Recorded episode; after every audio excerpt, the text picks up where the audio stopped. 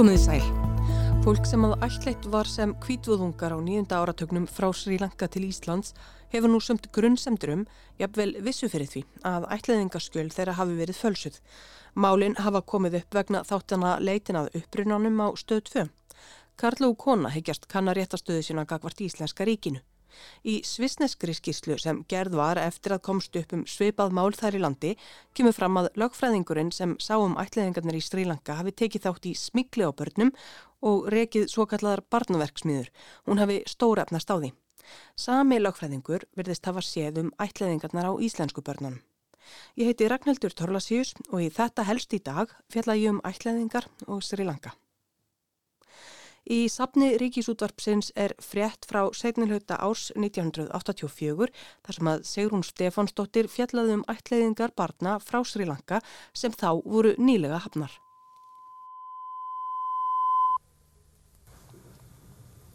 Margir hafa því gripið til þess ráðs að leita út fyrir landsteinana og á síðastlinu 12 árum hafa yfir 100 börn aðalega frá ymsum Asíulöndum verið ætlit af íslenskum hjónum. Í upphafi komu flest barnana frá Kóreu en á tímabilinu frá 1981 til 1983 komu 58 börn frá Indonésiu. Eftir það var loka fyrir allar frekari ætliðingar þar í landi til útlendinga. Að sög Viðbjörgar Alfredsdóttur, formans félagsins Íslensk ætliðing, hafa nú opnast nýjir möguleikar og í þetta skipti á Sri Lanka fyrir þá sem vilja taka sér börn. Á þessu hausti hafa komið fimm börn til landsins frá Sri Lanka og er von á fleirum þegar í næsta mánuði. Því næst var rættu við íslenskar kjörmaður tvekja nokkur að veikna gamalla barna sem fætt voru á Sri Lanka en voru komin til Hollands með kjörfóraldrum sínum. Við rættum við mæður þeirra á flugvellin í Amsterdam. Ég valdi að spila viðtalið við íslensku maðurnar ekki og setja með því ætlaðingar þessara fjölskyldna mögulega í rámt samhengi.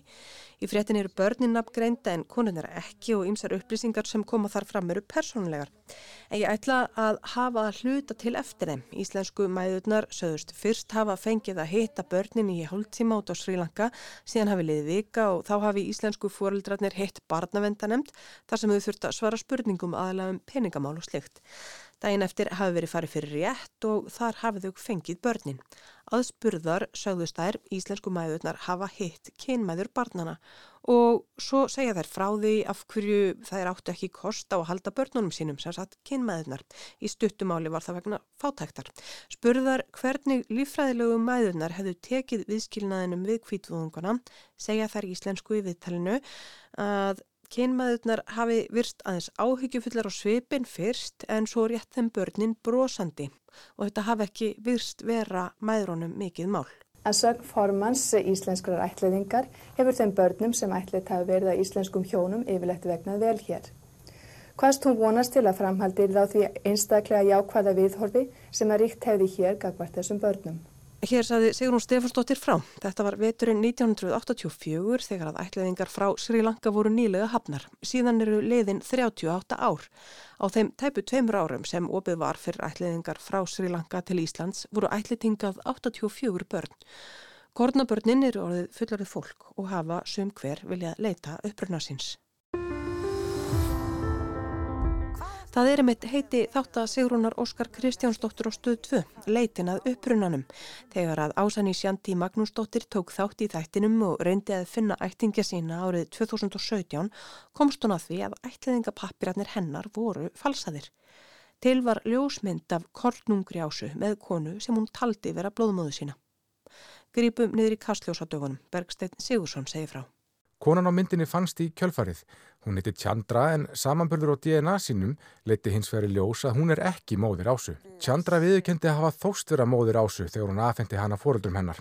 Það gerði hún fyrir aðra konu sem var barnamangari og útviðaði Evrópabúum börn til ætliðingar á nýjöndarátögnum. Ása segir að það komi einna verst við hana, hversu illa og óheiðarlega hafi verið staðið að ætliðingum frá sér í langa og segir að sér finnist hluti ábyrðarinnar likja hér á landi. Það er fólk sem er ætla börn í góður trúum að þau eru bara einmitt að hjálpa barninu. Að börnin hafa verið seld og öll þessi glæparstarfsemi sem hefur á bakvið þetta, þetta er, ég er alveg bara svona, mér finnst þetta bara svona ókvæslegt. Uh -huh. Þarna síðast heyrðum við í Sigrúnu Ósk og Ásunni Sjandi úr leitinni að upprunanum. Málið hefur undið upp á sig. Ívar Linur Ingarsson hefur líka komist að því að ætliðingapapirarnir um hann eru falsaðir og að hann hafi verið tekin af spítala nýfættur og seltur um mannsali. Þau ásá Ívar eru að undibúa að stefna domsmálaráðanhettinu en vilja fyrst og fremst stuðning Íslenska ríkisins og svör.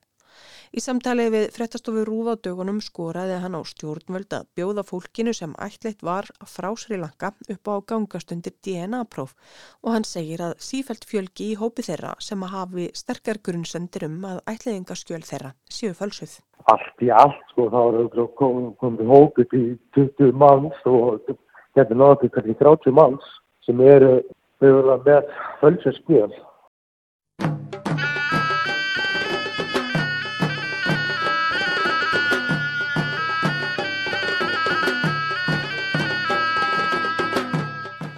Eyjan Sri Lanka liggur rétt söðaustan af Inlandskaga. Þar búa um 22 miljónir. Hinar og þessar þjóðir og þjóðflokkar hafa bitist um völd á eyjunni í gegnum aldirnar.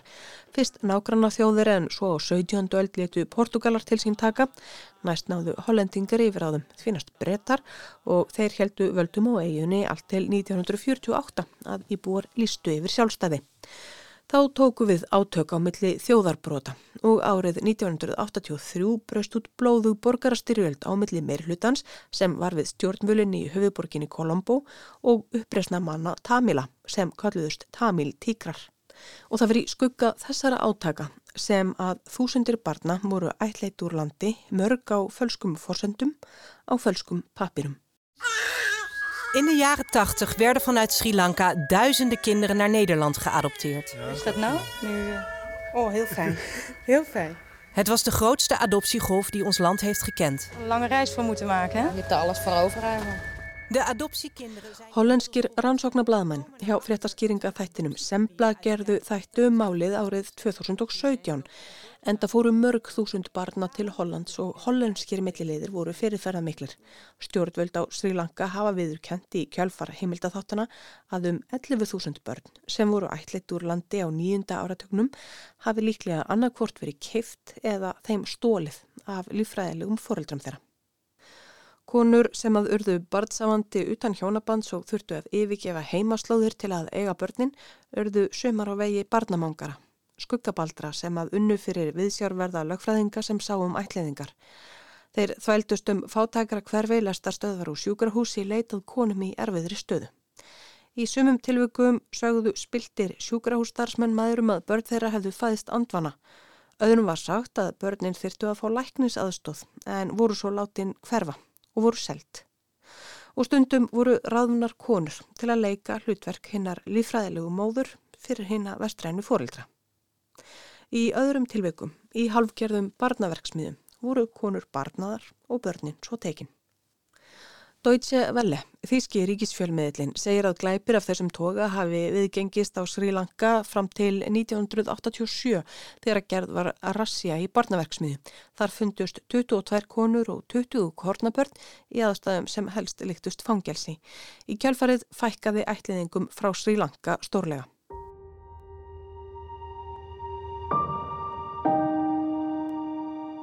Nokkru fyrr, árið 1986, kom í ljós hér heima að ekki var allt með feldu í sambandi við ætliðingu, jafnvel ætliðingar frá Sri Lanka.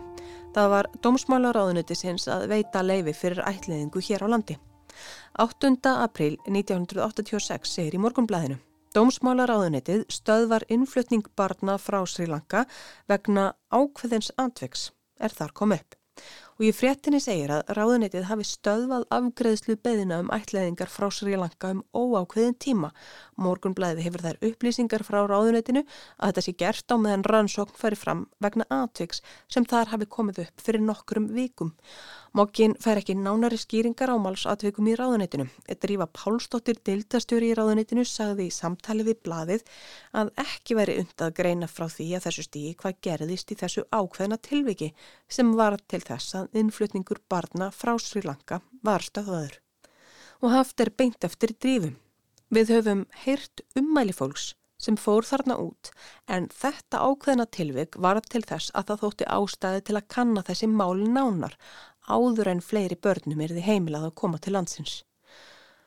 Og svo segir hún, við býðum eftir nánari skýringum og svörum að utan, sagði Drífa Pálsdóttir þá deildastjóri í Dómsmálaráðanetinu við morgunblæði í aprílmánuði 1986 og í þjóðviljanum svipa leiti aðeins fyrr í apríl 86 um sé er fyrirsögnin Dómsmálaráðanetið ætliðing barna stöðvið og haft er eftir Þorstein Gersinni ráðuniti stjóra dómsmálaráðuniti sinns að ákvarðunum að fresta allri frekara afgreðslu og beðinum um ætliðingar frá Sri Lanka hafi verið tekinn fyrir nokkrum vikum. Það hafi gerst eftir að uppkom atvik sem fjast staðfesting á sem sé þess aðlis að ráðunitið hafi séð sig knúið til þess að aðtuga þann aðila sem að hafi séð um að útvega börn til ætliðingar frá Sri Lanka og haftir beint eftir þóstenni. Þetta er ekki einast líka tilvikið sem við höfum hýrt um En að þessu sinni fegst staðfesting á atvikinu, saði Þortið Geirsson, ráðuniti stjóri Dómasmála ráðuniti sinns í viðtala við þjóðviljan 5. april 1986. Það er ekki hægt að skilja ummæli embættismannana öðruvísi en að það hafi verið einhver grunur um að ekki hafi verið allt með feldu.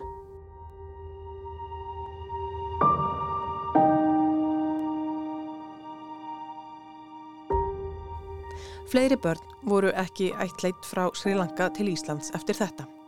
Milliliðurinn við Ísland þar að segja við félagið íslenska ætliðingu var hollendingurinn Damas Horjík í nýleiri greinagerð Dómsmálaráðunitisins íslenska segir að samkvæmt aðtun ráðunitisins hafi samstarsmaður hans og tengiliður á Sri Lanka verið lagfræðingur, er Tavanesan, sá hefði séð um lagalegu hliðina gagvart domstólum þær í landi. Ætliðingarnar hafi farið í gegnum stjórnvöld og fyrir fjölskyldurétt. Í greinagerðinni segir hann fremur að ætliðingar frá Sýrlanka hafi verið stöðvaðar árið 1986 vegna mál sem þá var til meðferðar og lautað gognum um ætliðingu tiltikins barns og svörum sem að ráðunitið fekk þá vegna aðtugunar á því máli. Dómsmálaráðunitið tjáu sér ekki frekar um það mál vegna friðhelgi engalífs, hins ætlita bars og kjörfóldra þess. En segir í greinagerðinni að gögn frá þeim tíma bend ekki til annars en að stöðvun ætlaðinga frá Sri Lanka hafi að meginstefnu verið byggð á þessu tildekna máli og efasemta um áreðanleika lögfræðingsins á Sri Lanka er Tavanesan. Þess sem að hollendingurinn skaffaði íslensku kjörfóraldrunum til að sjá um mál þeirra fyrir fjölskyldudómnum.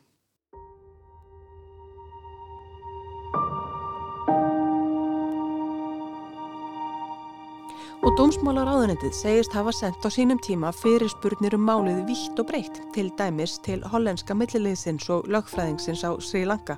Svörun frá lögfræðingnum hefði verið á þá leið að það væri hlutverk domstólað ganga úr skugga um að réttir kynfóreldrar kæmu fram fyrir domstólum og að þeir væru yfirherðir af domstólum í Sri Lanka. Sem sagt, það kæmi henni, þessi lögfræðingur var kona, Það kæmun ekki við ef einhver væri að þykjast vera fóreldri barn sem væri afhengt skjólstæðingum hennar, verðandi kjörfóreldrum. Eftir uppljóstranir hollandska þáttarinn Sembla var farða grúska í þessum málum víða, meðal annars í Sviss. Á áraunum 1973 til 1997 voru 950 börn frá Sri Lanka ætlitt til Sviss. Þar komi ljós að pottur var brotin og svissknösk stjórnvöld letur ansaka málið fyrir nokkrum árum. Í rannsóknarskíslunni kemur fram kunnulegt nafn, Tavanesan. Nánar Rugmani Tavanesan Fernando, lögfræðingurinn í Colombo og Sri Lanka sem var þekkt fyrir milligöngu um ætliðingar. Í ennskri samantækt svisnesku skíslunar frá því í janúar 2020 kemur fram að Rugmani Tavanesan Fernando hafi komið mörg hundruð börnum í ætliðingu Erlendis og þar sé vitað hún hafi verið þáttakandi í alþjóðlegu smikli á börnum. Hún hafi í slagtói við aðra reikið heimili fyrir mæður og ung börn á Sri Lanka og stundum ætleitt börn úr landi án samþykis kynfóreldra þeirra. Láregla í heimalandinu hafi rannsakað hana fyrir smikla börnum og að reka svo kallar barnaverksmiður. Fyrir hvert barn sem að Rugmani Tavanesan útvegaði svo að hægt var að ætliða það til Sviss hafi hún fengið sem namn tvöföldum áslaunum kennara á Sri Lanka. Þannig hafi hún orðið stór auðug af barnamangi með því að selja nýfætt börn. Dómsmálaráðunetti Íslenska sendi fyrirspur til stjórnvalda í Sri Lanka árið 2017 um ímislegt tengt ætliðingum þaðan til Íslands en hefur ekki fengið svör. Nú, fimm árum síðar hefur ráðunettið ítrekkað beðinni sína. Ég heiti Ragnhildur Torlasjús og í þetta helst í dag fjallaði ég um ætliðingar frá Sri Lanka.